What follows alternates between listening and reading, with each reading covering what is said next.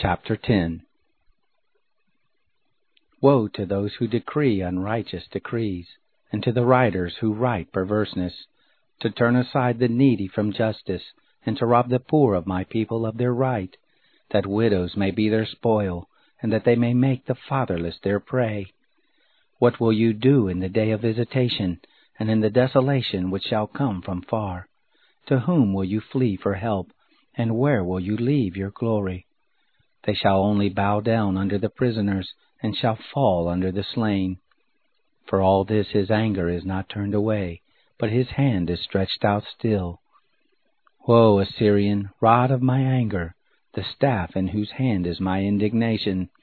I will send him against a profane nation, and against the people of my wrath will I give him a charge, to take the spoil, and to take the prey, and to tread them down like the mire of the streets.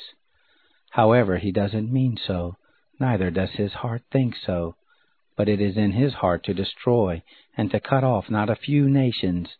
For he says, Aren't my princes all of them kings? Isn't Calno as Carchemish? Isn't Hamath as Arpad? Isn't Samaria as Damascus?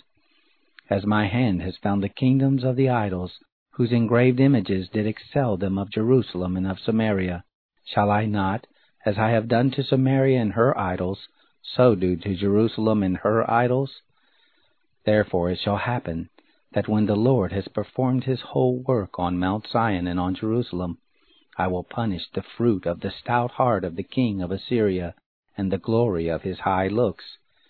For he has said, By the strength of my hand I have done it, and by my wisdom, for I have understanding, and I have removed the bounds of the peoples and have robbed their treasuries, and like a valiant man I have brought down those who sit on thrones.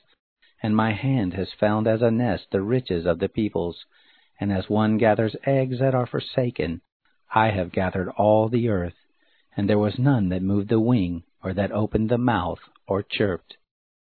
Shall the axe boast itself against him who hews with it?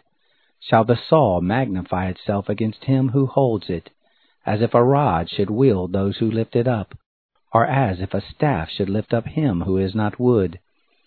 Therefore the Lord, the Lord of hosts, will send among his fat ones leanness, and under his glory there shall be kindled a burning like the burning of fire. The light of Israel will be for a fire, and his Holy One for a flame, and it will burn and devour his thorns and his briers in one day. He will consume the glory of his forest, and of his fruitful field, both soul and body, and it shall be as when a standard bearer faints. The remnant of the trees of his forest shall be few, so that a child may write them. It shall come to pass in that day that the remnant of Israel, and those who are escaped of the house of Jacob, shall no more lean on him who struck them, but shall lean on the Lord, the Holy One of Israel, in truth. A remnant shall return, even the remnant of Jacob, to the mighty God. For though your people Israel be as the sand of the sea, only a remnant of them shall return. A destruction is determined, overflowing with righteousness. For a full end, and that determined, will the Lord, the Lord of hosts, make in the midst of all the earth. Therefore thus says the Lord of hosts, My people who dwell in Zion, don't be afraid of the Assyrian, though he strike you with the rod, and lift up his staff against you after the manner of Egypt. For yet a very little while, and the indignation against you shall be accomplished, and my anger shall be directed to his destruction. The Lord of hosts will stir up against him a scourge, as in the slaughter of Midian at the rock of Oreb, and his rod will be over the sea, and he will lift it up after the manner of Egypt. It shall happen in that day that his burden shall depart from off your shoulder, and his yoke from off your neck, and the yoke shall be destroyed by reason of fatness.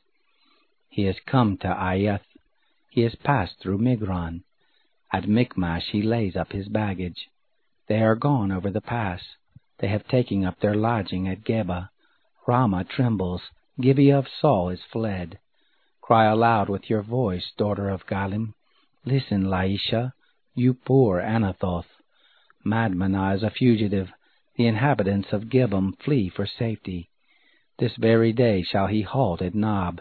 He shakes his hand at the mountain of the daughter of Zion, the hill of Jerusalem. Behold, the Lord of hosts will lop the boughs with terror, and the high of stature shall be hewn down, and the lofty shall be brought low.